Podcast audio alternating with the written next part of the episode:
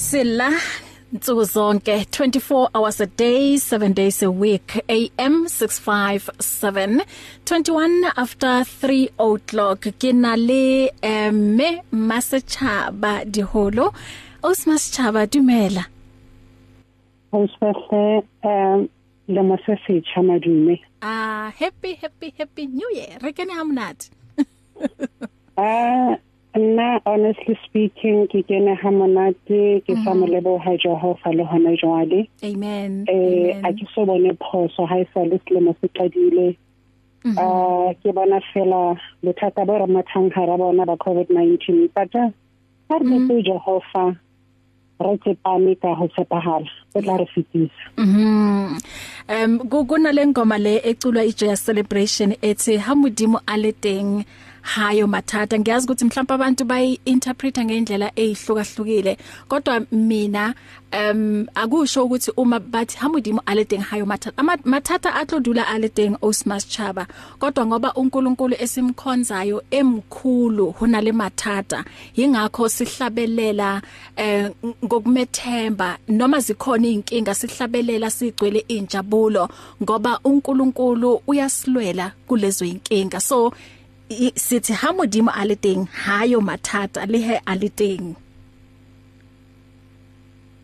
Ah ayishahle wankutla me? Ko uta mhm. Be bengi bengindlulisa nje leyo ndaba ukuthi nje singabantu akusho ukuthi uma izinkinga zikhona kusho ukuthi you know impilo manje kumele ime. Siqhubekela phambili zikhona noma azikho. Siyabonga ukuthi ube nathi um kule ntambama. Um sicela nje usibekele isithombe sakho ukuthi like ube mfisha nje hore ausmas chaba ke mang um ha ke tsale ke dumedise ba mamedi ba radio pulpit uh ba mametseng ka jeno. Nna ke mas chaba ke di holo ka sene um based Christmas. I'm a child of God. Uh ke mo tsaba haholo modimo hobane ke na le bopaki bo bongata haholo ka yena. Mm mm mm le hana jwale as ke bua on radio pulpit I'm here to share my testimony. I'm here to comfort someone. I know hore re ba broken in different angles. Yeah. And uh, it is natural. Uh ha o le mo situation and sometimes o ba like ha ke no feta mo mm mara ke moriti fela letsatsi le atla ho afeteha ho afeteha mm. Ho afeteha mm mhm. Osmas Chaba yebo uNkulunkulu enguNkulunkulu othembekileyo uhlezi enathi kukubi noma kukuhle. And ingakho sihlezi sinama uh, testimonies hobane rabubona buhulu bamudimo. Though uthola ukuthi uma kunzima sibona ngathi uthule o sibona ngathi um akaphenduli emkhulekweni yethu. Kodwa uma sekaphenduli lapho sibona khona ukuthi oh uNkulunkulu um kukhona oku best okuwukuthi bekakusebenza you know behind the scenes. Um abantu bangaboni. Ngaleso sikhathi uthola ukuthi abantu bayahlekisa ngawe. Kodwa uNkulunkulu athi bambelela kumina. And lapho azoyiveza khona bese bayamangala futhi abantu. Bese ke thina senzane siphakamisa yena siphakamisa ubukhulu bakhe. So Mhm. nakule ntambama i know ukuthi um, you have been you have been through a lot Osmas Chaba. Kodwa namuhla une smile um namuhla uyakwazi ukuthi usukume and ukhulume ngayo loNkulunkulu ngoba umbonile empilweni yakho ungasherela ngalobu ngalobukhulu bukaNkulunkulu Mm, awusibahle. Uh, with my testimony today, let me be um, just brief, but kithuse motho. My, Mm. my heading is going to be forgiveness and to listen to God. yeah Forgiveness it is very important. For batho ba ileng hore ba lantshana le moya wa bona hore e shwe ke Those people they sing about forgiveness and wa itse motho hang kwa tsitse it's very hard for it ke motshwarele. Um, I think I've been to radio pulpit on talk shows several times.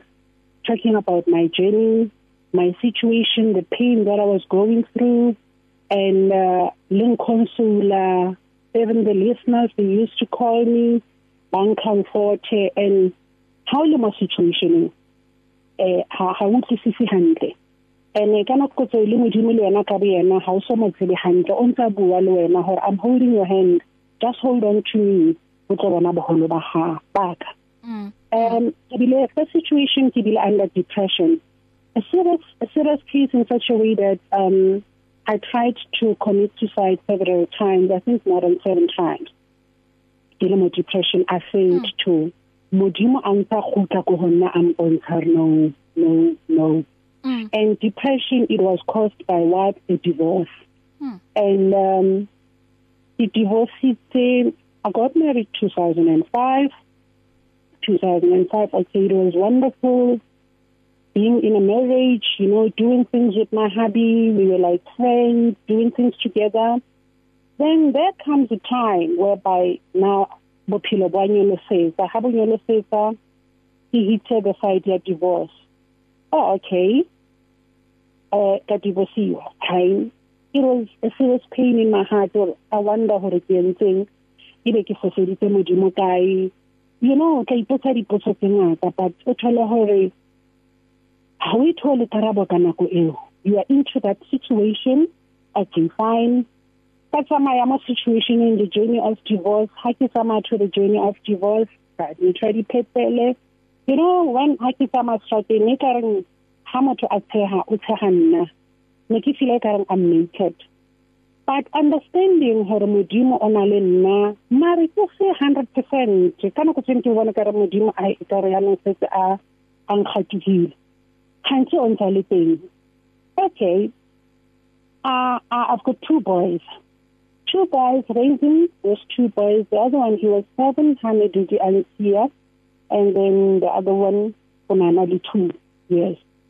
Fine, ke ba hodisa ke bana, the journey wasn't easy. Bona ho le bohloko. Hodisa bana ba bashimane o le mme o mong ka tlung. You need to buy food in the house, you need to think bana. You know so many things tse tsahalang eh mo bophelong le tsona la bophelo. Mm. Then a girls boy my first born. My first born e be a problem jona mo phelo ba change ke a bitsa ko dikolong. Hmm. o tshitshile yanong he's like a handful. Skolong o shapa bana he's problematic at school.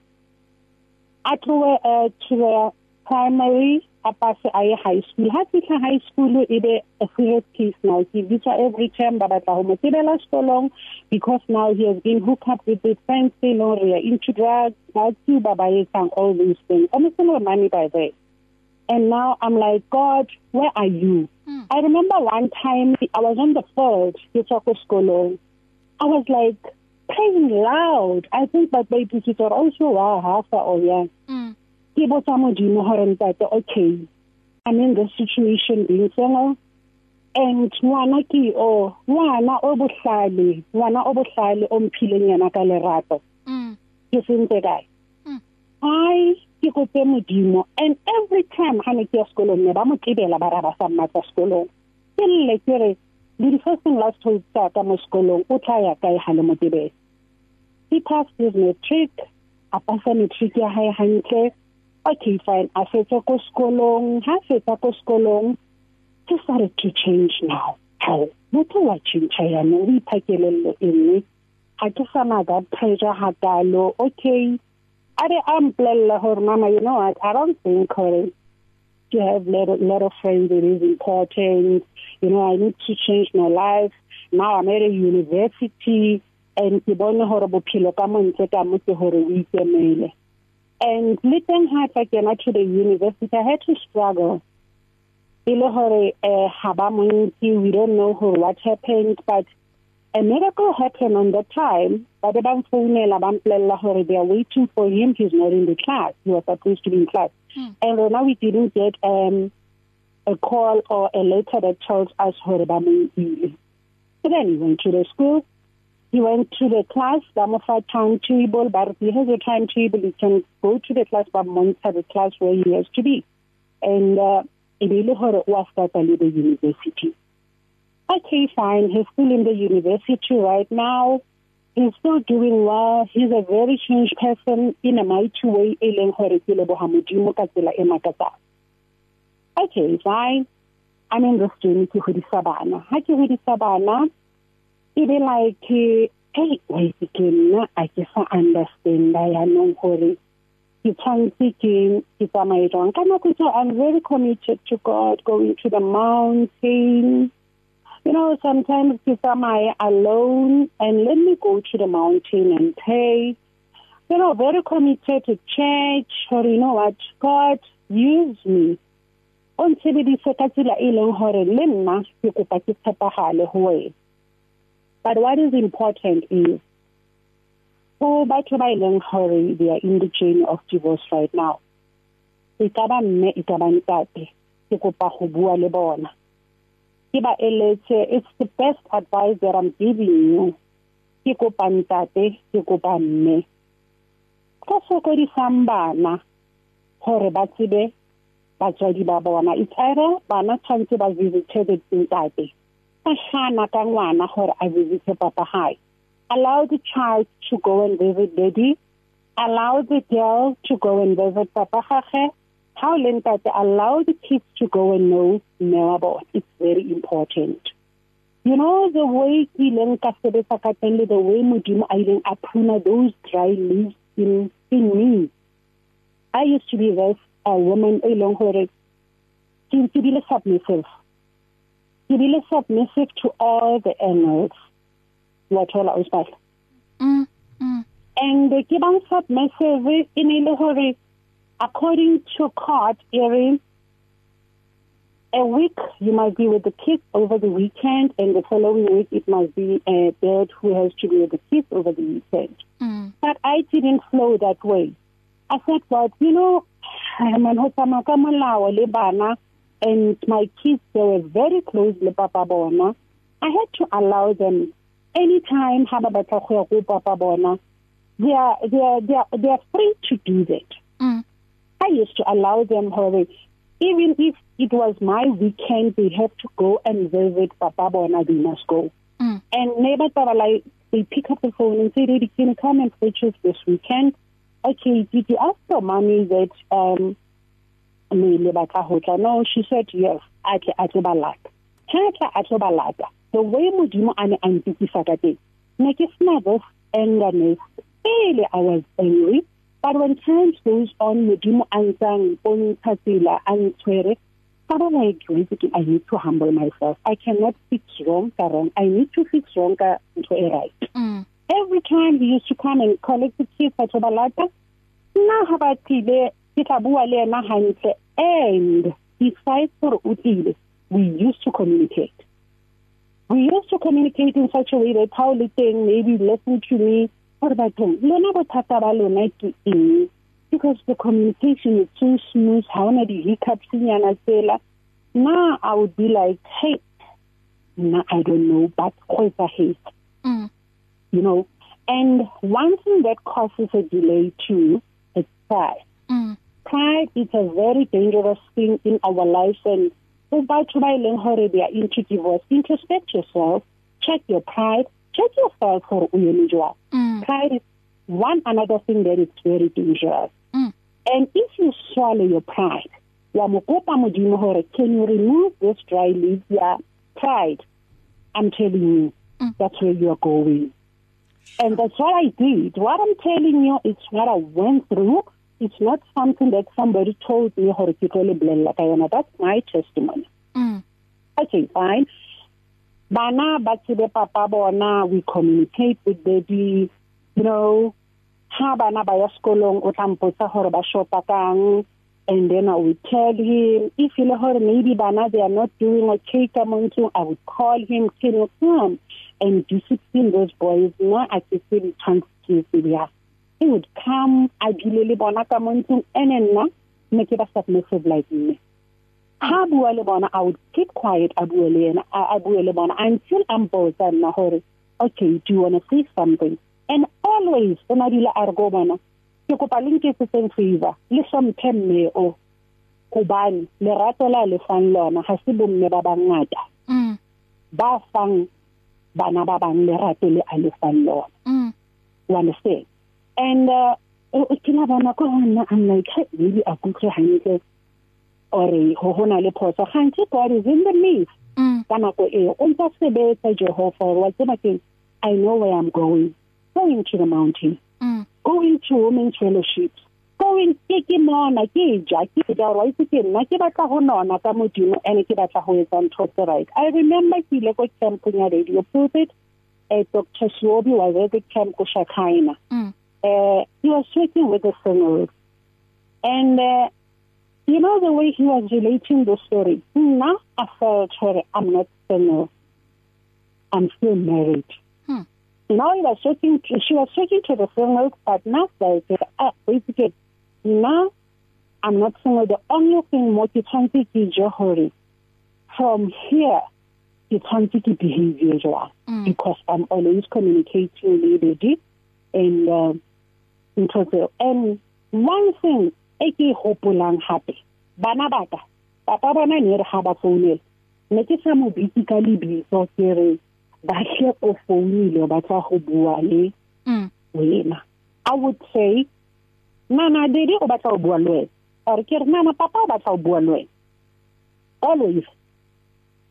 And ntho e nngwe hape e bileng e ke shebang ke re batho ba na le ntho ya gore ha ba divorces i want to change my surname i want to do this i don't want to do anything with him I didn't do anything. I didn't change my surname. Nothing in Yaka since he did the holo. And for why make if I change the surname, I was like, because of what is bana ba ka hana go ntse there are so many things that go batlang or why the surname this one. Mm. Ah man, let me just leave the surname not the whole. And in a some bother in any way holy to change it, uh, my surname. mm Bye. I spicy. ke nne ke phele mo bophelong ke phele mo bophelong we communicate we do those things and um oh, oh ke la bona ke really this pain ke botse modimo always gore pastor why why ke ke fitile mo leetong le or ke tsamaya mo leetong le go bohloko go thola the main tag ya gore a divorcee mm it's very painful mm very painful in such a way that wherever you go, Mm. you need to check yourself how be comfortable. Taba ya pele ha o kopana le mme a tsamaya le ntate you check gore o dumedisa bjang mm ha o thola o dumedisa o phuthulohile wa bona gore mme ha sa phuthulohile because wena wena o senyile a kere jwanong o tshwanetse o nne o dumedisa ntse o ipatla gore o eme kae and uh, it's very painful gore a ke sa phela bophelo bo la bone le gore ke tlamehile go bophela bo phuthulohileng but modimo being modimo wa lokisa wa wa lokisa gore okay it's fine it's a name tag it is a name tag wa bona? Mm. Then o no tsamaye ka yona that name tag and uh, how fihla ko ileng hore hona le bo metete hona le bo eng you, you check. Mm. more especially ka di weddings eh ne ke sa ke ko re lenyalo it's something e leng hore ne ke sa e thabele honestly speaking. Mm. And ke sa e thabele jang? More especially when it comes to part ya hore there's a matrimonial service that that that part ne ke sa batle go e bona. Mm. Because I remember one time ke ile ko lenyalong and then I went ke ke ke ke le ko party ya matrimonial service ke checkile the couples ha ba ntse divorce tsa bona. You know tears tsa thowa mo go nna. Gore I was like ikare ke nna o nkang divorce and ke hopola hantle mm. gore on my wedding day ha ne ke nka divorce ne ke reng mm. What what? Mm. and tears tsa thowa gore oh my god e be ke ile ka ka ka senya kae? On that day that evening I tried to commit suicide. Mm I failed. Mm I failed because ne ke feel gore a ke gone ha ke gone and ho ileng gore a ke gone but modimo a re, hold on. Just hold on. Mm I know what I'm doing. I dula go nna and ka dula go Jehova. Okay lenyalo matrimonials ka qetella se ke fila hore ai nna lenyalo le matrimonials sorry ha se mo ke tlo yang teng. And ka nako eo ka nako tse ding o na le ntho ya hore ei e re ntho se ke sa etsa mohlomong ke ke tla heala. Mm. Ka nako tse ding ha we etsa as then you speed up the process of healing. Mm. or it's better ke ke ke tsamaye go yona so that ke can overcome. It wasn't easy for me. Infatuated on radio pulpit the pastors abanye i tried to call them or bang cancel you know ke batla ho fola hore the pain that i'm going through. And go buy one or isa bana. Sometimes we need a father figure. It's not easy. How se bore o tlo ba etsa jwang. Ka ba isa sepetlele one day the ba admitwa it was a case of the tonsil both of them i had to take them to the hospital or ba ile ntsha di tonsils iyo that day it was a very worst day for me. Mm. because i thought when i took them for the operation because I was suffering how fola o hukula or how fola o hukula or ka feel no I cannot stand that. Fine. In a a, a private hospital bana ke ba bantse di tonsils they are in pain. O mong hape inela tshwantse be ke pepile the little one. I think um you know was um was five by then. And then this chaba chaba kamo o tshwanetse go shushuzise o mong gore a be betere mo pele o pepile o mong. Mm mm. He won the is not there. Hmm. but modimo being modimo you know pasisa one last term i really was thinking i can see her um ho ho ho ho tatanyana but let us help you ba ba kinya di injection gore ba khule off Mm. ba robale. I can't ke ba siye ko sepetlele. And come and check them the following day. Fine. How you feel the whole the following day they're much better. Uh, trying to discharge you. Ke tlele bona to. But no, after that, healer so well, we became a tloba bona, blah blah blah. It was ra tshwarisana le yena. But ke la bona ko sepetlele ne ke le mong. But the journey always never taba tsa gore haebe a ikabile ga eno qetella hampe. Bona le matlo ba teng in the midst a nthuse gore raise why you get me? Mm. ebe a case ya gore ke di-boys they must go for circumcision. Ke mme i know nothing about circumcision. Ntate a tle ke gona ena I was thinking to take the boys to a special blah blah blah a ba itse a ba isa sepetlele. Ha ba isa sepetlele it was like hey ke case ya bontate nna you know you know almost Mm. a ba itse a ba isa sepetlele.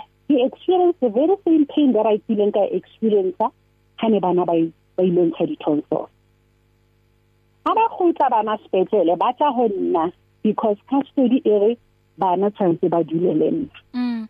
I had to drape the kids at Taricharisana Alsate. You know, when it comes to that part, o no na ra ba ba ba ma ka ba ba ki go se ba ba ba dile ba ba ke ba ntse ba yetsa. Mm. Mm. But you know, ke appreciate ha holo hore even though we are apart, but hona le mo ileng hore bontate ba hae ya bo sebedisa.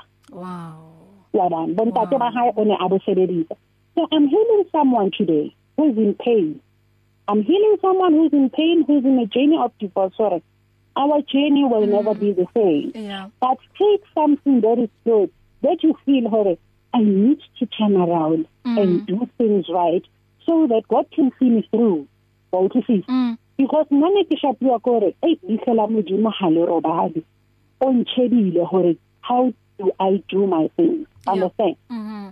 leihlo la modimo ga le robale it is true e jwalo e tlo e le jwalo it will never change and rona bomme re na le ntho ya gore ga ntate a founa you shout o be you know on top of the room Mm. bomme ba e leng gore they're in the divorce right now please be submissive ke kopa o theoge stop that stop that and be submissive o ikokobetse by all means. Nna ne ke dula ke ikokobeditse. And listen how o tsamaya ko di-women's fellowship gore bomme ba re ruta eng gore re be bomme ba ahegang Mm. you take o mathe ka yona e a sebetsa. Mm. wa bona because o tlo kena ko di-women's fellowship and listen how o tsamola o feel uh, you know nna i cannot do that. Nna wa ka o ntreata so with so forget about him gore maybe he's arrogant do the right thing wow Why trying to Wow. do the right thing? Forget about him or he's arrogant. Mm. There are spirits out there. Don't forget hore re phela le di demonic spirits and tse e leng hore ga di batle manyalo. wa bona lenyalo ke engwe e leng hore moya ha o matha o tlo finitha lenyalo ka pele so you need to be a strong mother. E leng hore you hold on to God wa matha le yona. La ntse utlwa re wa chisa but o tshwantse o dutse go yena o ntse o mo hweletsa. O teng wa utlwa. Ka nnete ka nnete wa ithola o ka nnete. Mm. Yeah. Osmas Chaba um what a powerful testimony. Um es obulela hore you know divorce hasinto emonate mm -hmm. and eh, ho bohloko because go tsamaya part engwe ya hao. O dula le motho for years and years le share life and then mm -hmm. all of a sudden ha sale teng. Yes. So yes, yes but ntho ke ke ke ratang ha ke mametse your testimony ke hore le le hore ne le separateile but he was always there for bana ba hae. That's true. And lwena o bile submissive le le hore ha le sa hlolelele together le separateile. And ha go utlwa hantle ke advice e leng e leng hore o e fa le bomme ba bang hore a hotsho hore hele hele separateile o le le mo divorceong le ntate ya nong tshwantse o thome o be um this woman o ileng hore you know tla bo sa bontshe respect ko yena. Um o tla be o ntshetsa anger ko yena. What a good advice um eh sis Maschaba usinikeza yona kulentambama ukuthi ungumama hlezi uyithobile ngaso sonke isikhathi. Um ngiyazi ukuthi ke kusesekhona uthanda ukuthi uqhubeke ngakho. Ngicela ukuthi ke eh sithathe nje ikhefu sine mizuzu la I think bone plus minus 10 minutes. I believe ukuthi uma sibuya ngala awusimashaba ungakwazi ukuthi ke uyigoqe kahle your testimony. Siyabuya emveni kwalokho. Come and ask your questions, share your concerns, experiencing life on 657 AM. Reach your customers in the car, at the office, at home, or wherever they are, night or day. Through advertising with Radio Pulpit, you can reach a large, unique, and loyal audience in a most affordable way. With over 500,000 people on our various platforms, from Gauteng to the Cape, you simply cannot go wrong. So advertise today. Contact us on 012 334 1339 or for advertising packages that we offer, go to www www.radiopulpit.co.za. Terms and conditions apply. Share our passion for life on 657 AM 657 AM. Silapho ke ku AM 657 isikhathi sethi 11 before 4 o'clock. Renale Osmas cha badiholo em eshare la em galokho andlula kukho okuyi testimony enamandla impela i divorce akekho umuntu ongavuka nje kusena athi nake batla u divorce em uma abantu bangena emshadweni bangena kuwona kuukuthi um nifuna ukwakha i future ninonke nifuna ukwakha impilo ninonke nikhulise izingane zenu em ninonke. Kodwa manje uma sekuza lapho kuukuthi kumele nihlukane kuba bhlungu impela. So Osmas Chaba kwamanje ukuphi ngohambo lwakho? Um Osmas last year. What happened is on Valentine's Day. Mm. It happened to lose a child. Mm. Uh, lose my second child. And losing my second child, it was like he decided for it on 2020 okupa ho lo dula le papa gagwe. Mm. Oh okay. A tsamaye a ile dula le papa hae.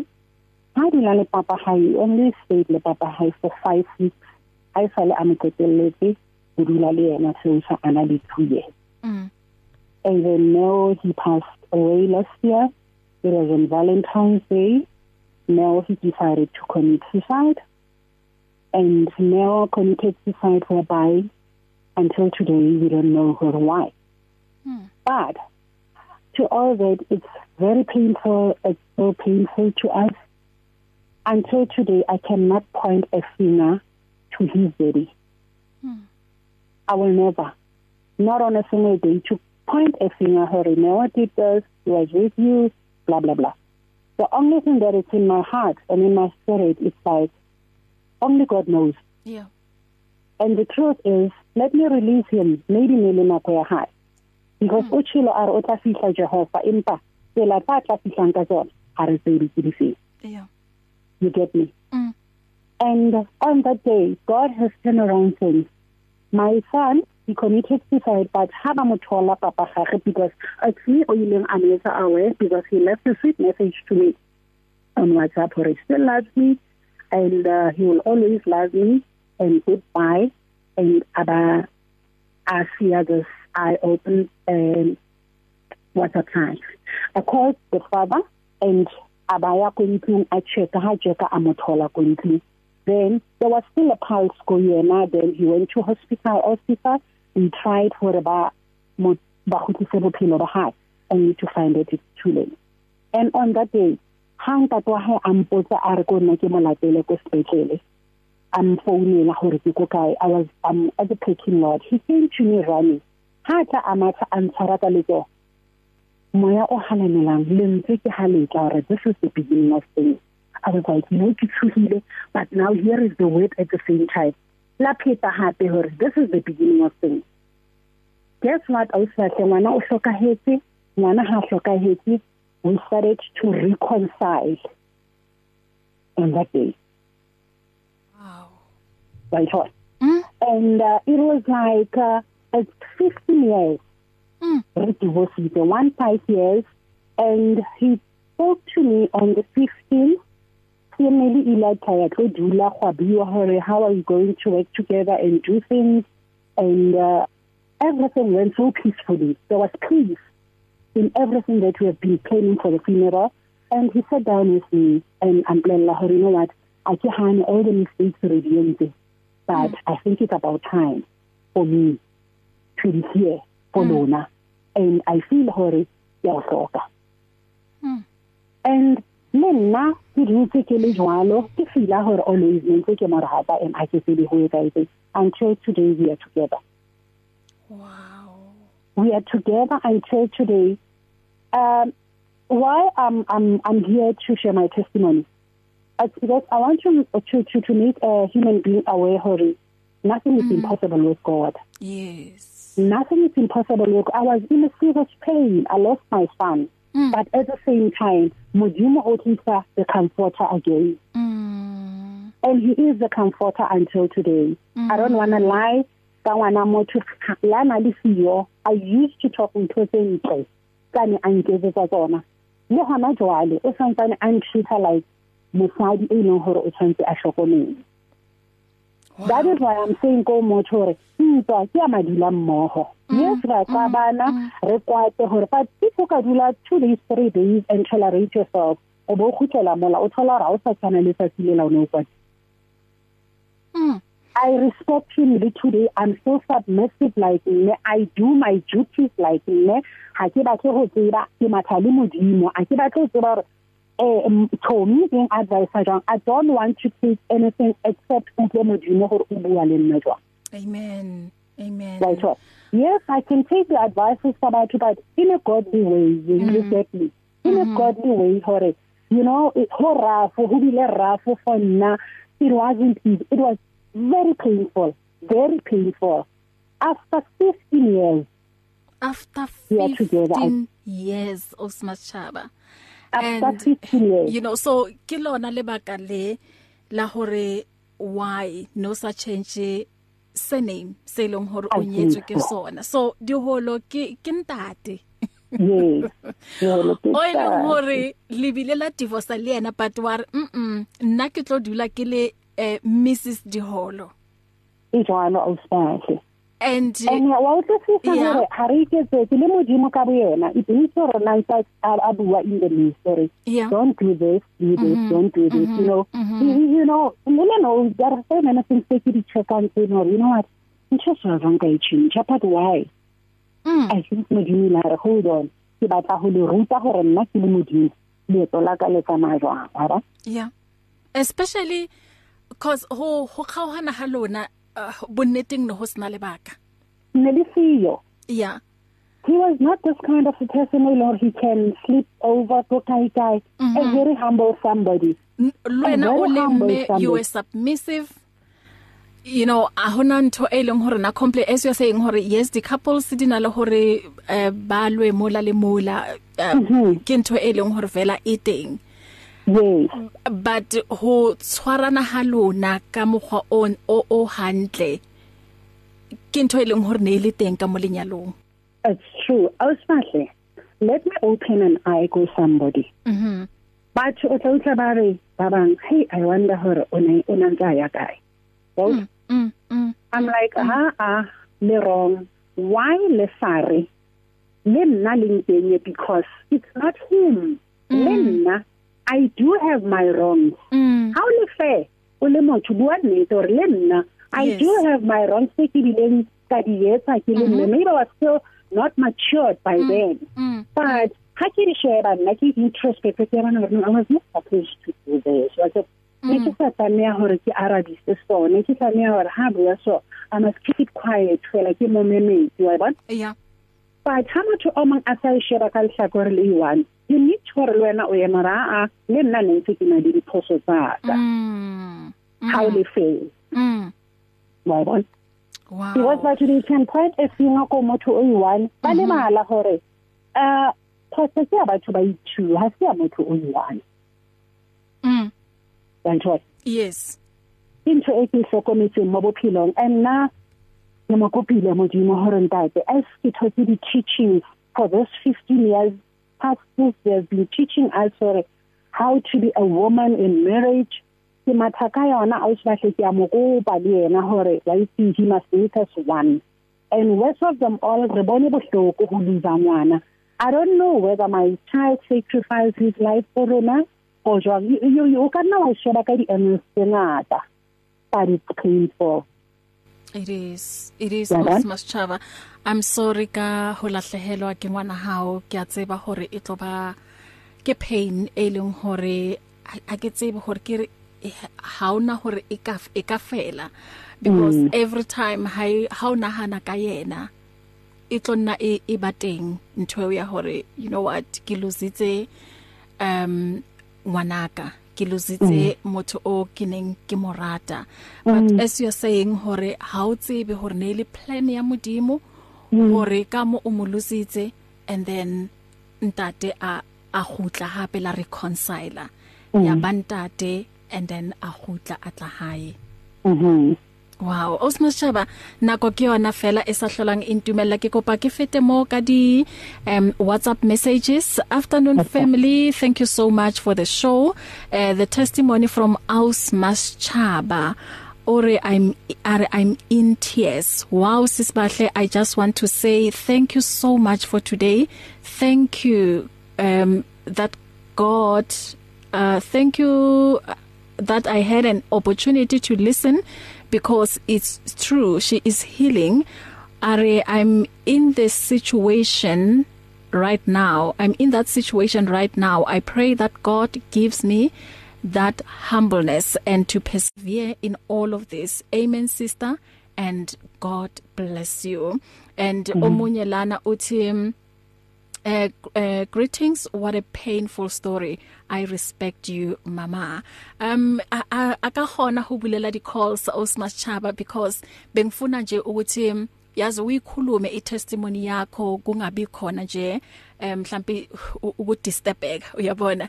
So ngathi nje indlale indaba yakho indlale nje i-testimony yakho. Um okungithokozisayo ukuthi emakhaya um bayizwile indaba yakho and as you, mm -hmm. as you said ukuthi ungath ungathanda ukuthi ngale testimony yakho kube khona umuntu okuwukuthi ungamsiza umuntu okuwukuthi naye ungamnikeza ithemba. Njengoba ke umama la ekhuluma ukuthi naye ubhekane naleso situation. So uyabonga ngokuthi ushare i-testimony yakho. Osmas Chava thank you so much ake tsebe Mm. hore wa rata na ho sia number tsa hao maybe kukhona abanye abangathanda ukukhuluma nawe ungasekho la emoyeni o o ka rata ho sia number tsa hao Oh, smartly. I don't have a problem with it. yeah Yeah, I don't have a problem with it. Just to comfort motho. mhm Because wa tsena ho hotle jang ho ho go jetsa motho ka ntho o fitileng ko yona yes but our journey of divorce will never be the same mm. mara i can help someone who take this route mm. tla o sebeletsa amen yes the number sa ka ke 083 um 2000 triple six Ah, is die very simple 08320066. yes Wow. Yeah if ke di bitsa jalo it's so easy for Yeah. motho a di catch up you know it was Mhm. yes it's 083 2000 triple six. Osmas Chaba re a leboha ka nako ya hao re a leboha le hore o share bopaki ba hao.